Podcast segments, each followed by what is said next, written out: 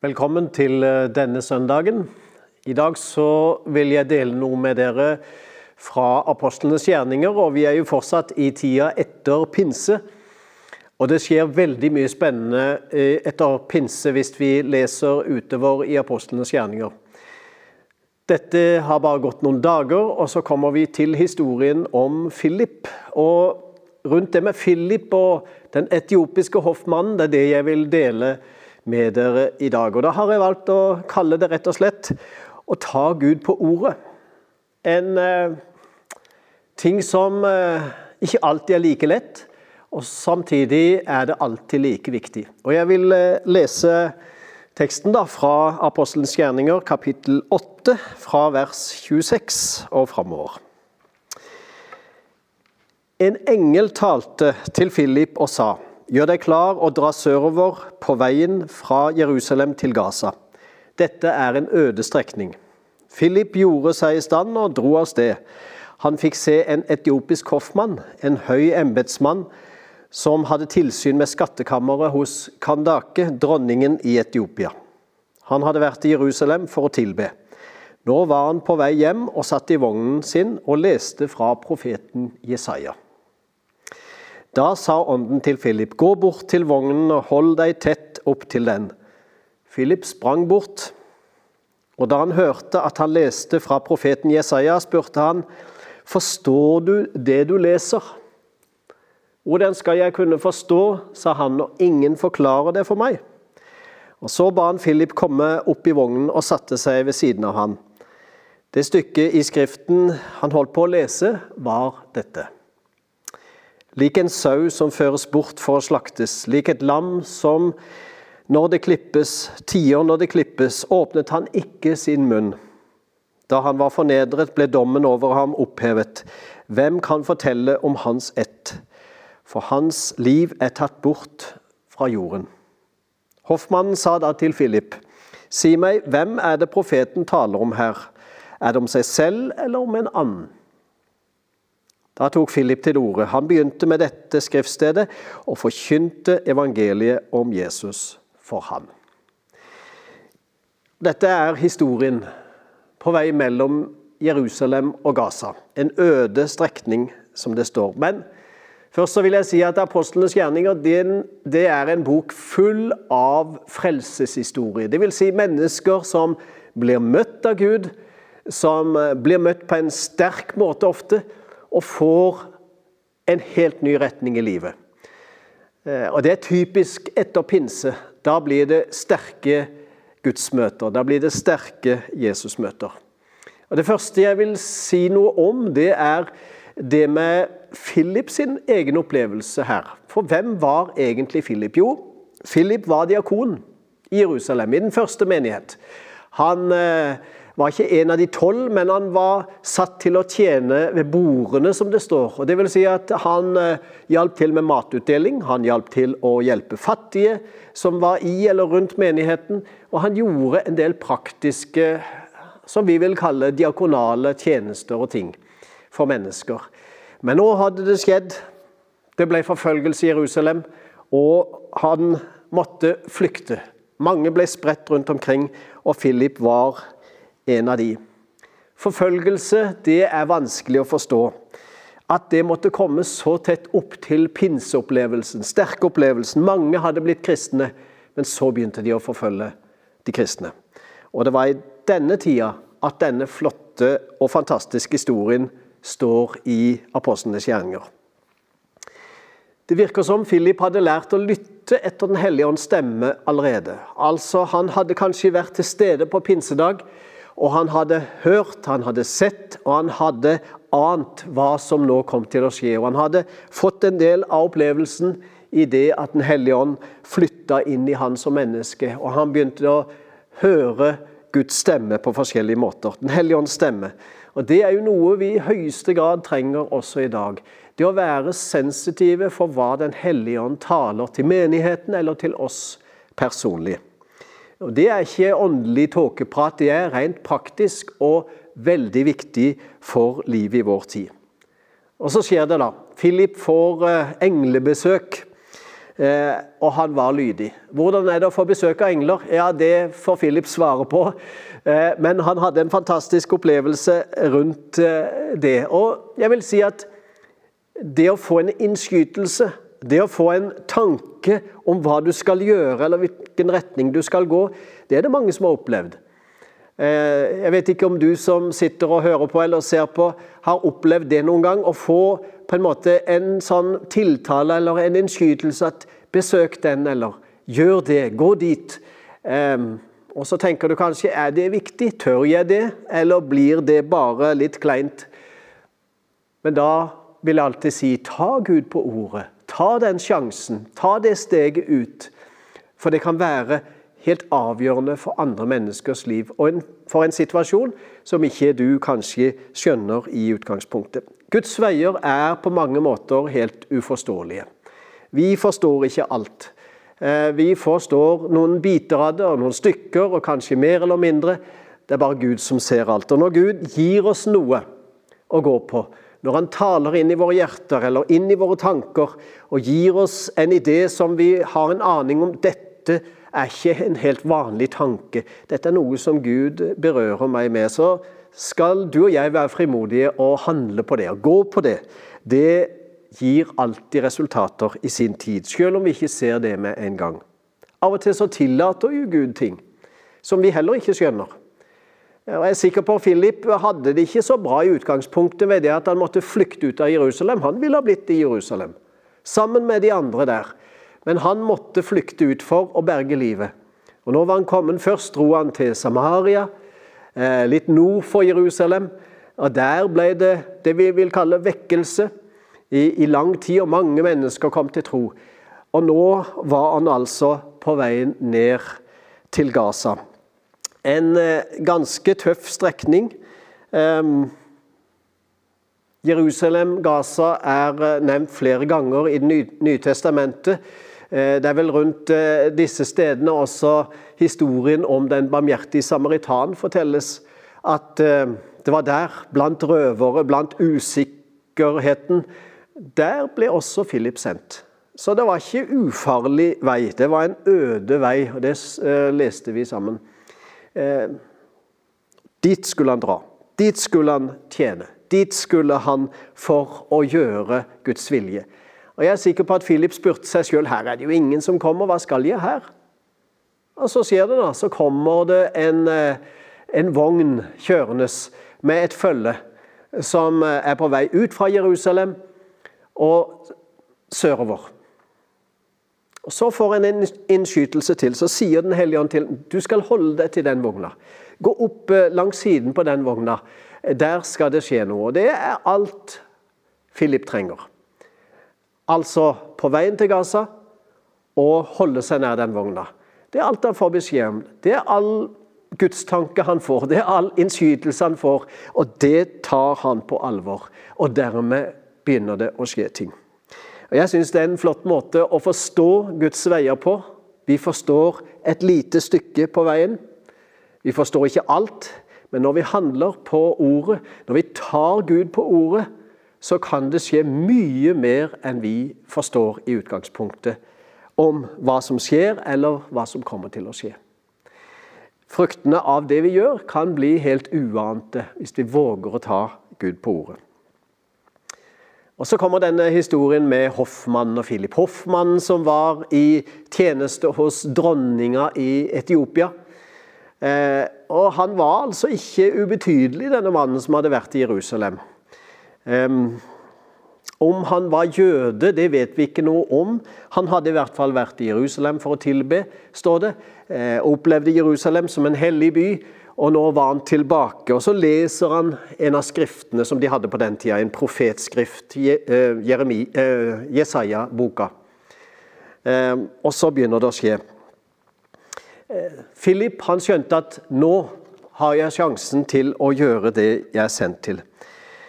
Så for en ekte gudssøkende, eh, så er det mye som vi heller ikke forstår. Og Denne hoffmannen han søkte Gud på sin måte, men han skjønte ikke hva han leste.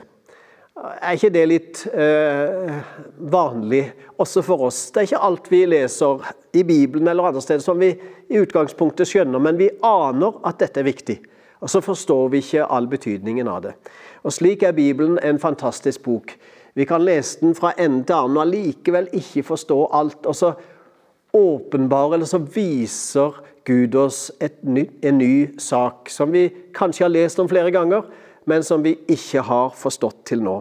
Så for en ekte gudssøkende så skal vi ikke gi opp, selv om vi ikke forstår i utgangspunktet. Ehm, det viser også denne historien på en måte de kristnes oppdrag i verden. Det er egentlig å gi innhold til andre menneskers søken etter Gud. Eh, for mange lengter etter et eller annet gudsforhold. Og mange lengter etter å få en opplevelse av Gud. Men de vet ikke helt hvor de skal søke, eller hvordan de skal gjøre det. Da er det vi som har allerede opplevd at Gud har flytta inn i våre liv i Den hellige ånd. Vi kan være med og utfylle historien og vise vei. Og være eh, de som peker på Jesus. Og Det var det Philip gjorde denne dagen. Fra Jesajas 53 er det denne hoffmannen leser fra lidelseshistorien som er beskreven om Jesus der. Eh, for en vanlig jøde så hadde de ingen link til Jesus. De skjønte at det måtte være en Messias-skikkelse, men de forsto heller ikke alt rundt det. Og så bruker Philip den muligheten til å forkynne evangeliet, til å peke på Jesus, til å ta fram at det er Jesus det snakkes om. Du leser egentlig om Jesus, kunne Philip si. Og så snakker de der et stykke på veien. Mens han får lov til å sitte ved siden av hoffmannen i vogna. Og der kommer hoffmannen til tro. Eh, og jeg eh, tenker at dette var Philip begynt å bli vant til. Han var begynt å se når mennesker vender om fra mørke til lys. Og jeg er helt sikker på at Philip gleda seg uhemma over det, altså. Han så at nå skjer det noe spesielt her. Nå går det et lys opp i, i hans øyne, og nå får han se hva Jesaja 53 egentlig handler om. Jesus som lider og dør for oss. Slik er det når eh, mennesker møter evangeliet på riktig. Og det, det, skjer med en gang. Det er som det smeller til i Hoffmann sitt liv. Og så spør han ja, men, ja, men kan jeg ikke bli døpt med en gang. Han hadde kanskje hørt om pinsedagen, han hadde kanskje hørt om mange som lot seg døpe når de vendte om og fulgte det som de på den tida kalte veien, altså de som Jesus-troende. Eh, han hadde hørt om at de kunne bli døpt hvis de eh, slutta seg til det. Og han spør kan jeg ikke bli døpt. Eh, og Da spør Philip et eh, enkelt, tydelig spørsmål. Jo, hvis du tror av hele ditt hjerte, hvis du tror på Jesus enkelt og klart av hele ditt hjerte, så er det ikke noe i veien for det. Og Da tenker jeg at eh, Philip eh, gjør noe veldig viktig og riktig, som også er en pekepinn for oss i vår tid. La oss ikke gjøre veien til Jesus mer komplisert enn den er. La oss ikke legge noen steiner i veien som mennesker må klatre over og synes og oppleves det strevsomt med Jesus-møtet. Men la oss gjøre det så enkelt og direkte som mulig. Og stille det enkle spørsmålet, men ikke gjøre det mer komplisert. Da kan det skje.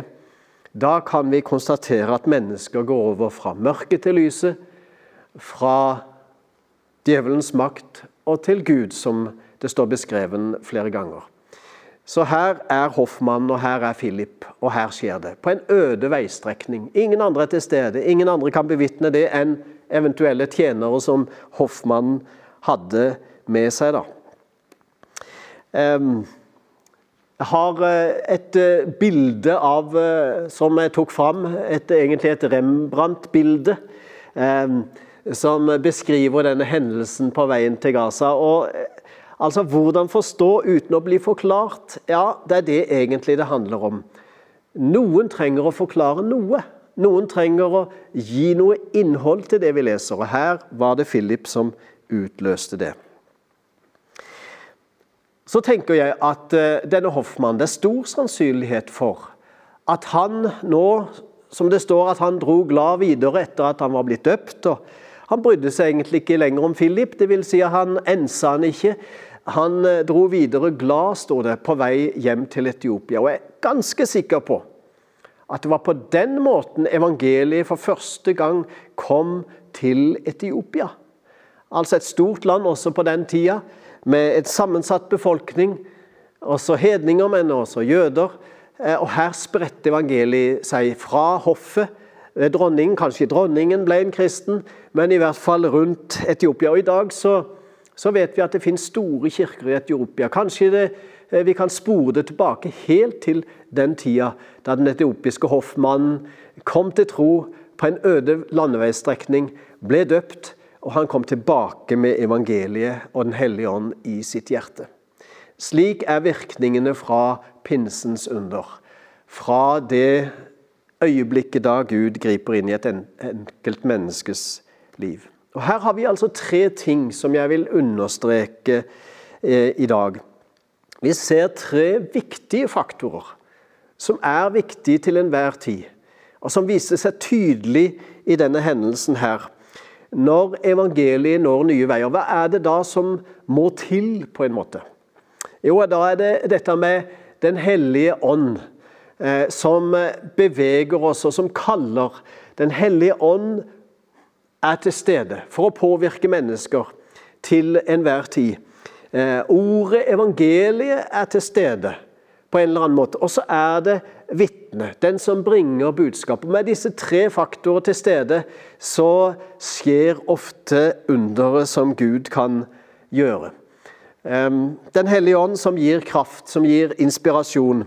Ordet som er evangeliet, enten her som for den etiopiske hoffmannen, som var vanskelig å forstå, og så kom vitnet, så kom han som eh, bringte budskapet, og åpna øynene, eller og forklarte det han leste. Eller en kan lese det enkelt og tydelig sjøl ved at en får eh, det overgitt fra noen som deler det de sjøl har fått. Altså det å dele med hverandre det vi har fått. Vitne er viktig også i dag. Disse tre viktige faktorene skal vi legge merke til. Vi kan ikke bare stole på ett vitne uten noe annet.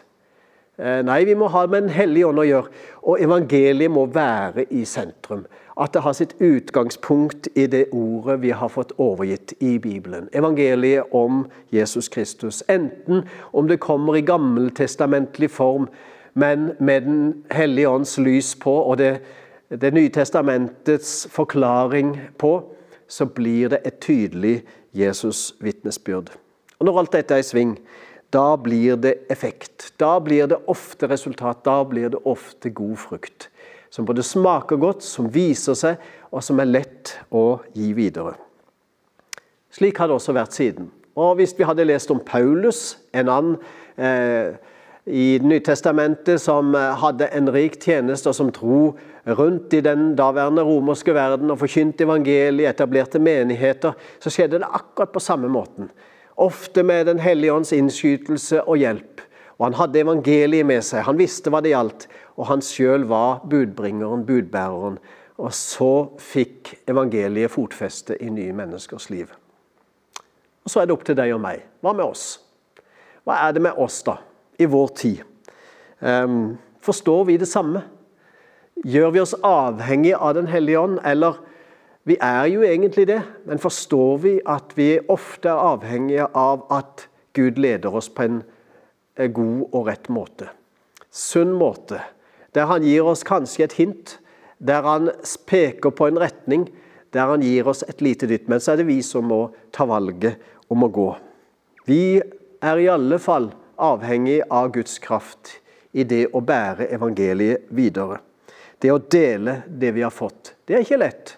Det er ikke alltid som det ligger åpent eh, til for, eller er velkomment, men det er det oppdraget enhver kristen har fått på sin måte, med sine gaver, å dele det vi har fått videre. Så skal vi gjøre det på vår måte, i vår tid, i våre omgivelser, i vår situasjon, i vår virkelighet, i vår verden. Men de tre tingene er fortsatt de samme. Vi trenger Den hellige ånds hjelp til å vise oss veien, til å peke ut retningen. Vi trenger å øse fra evangeliet slik det er formidla gjennom Bibelens ord. Og vi trenger å være den som bærer det videre. Med det så vil jeg ønske deg Guds velsignelse i det, det oppdraget vi har fått. Philip er en, et tydelig eksempel på hvordan det kan gjøres, og hvordan det var for han i sin tid. Nå er det opp til oss i vår tid å være den som bærer det videre. Med Guds hjelp, inspirasjon og kraft. Jeg vil si god etter pinsetid. Og så vil jeg være med å lyse velsignelsen over oss alle. Og så var Herren Jesu Kristi nåde, Gud vår Fars kjærlighet og Den hellige ånds samfunn være med oss alle. Amen.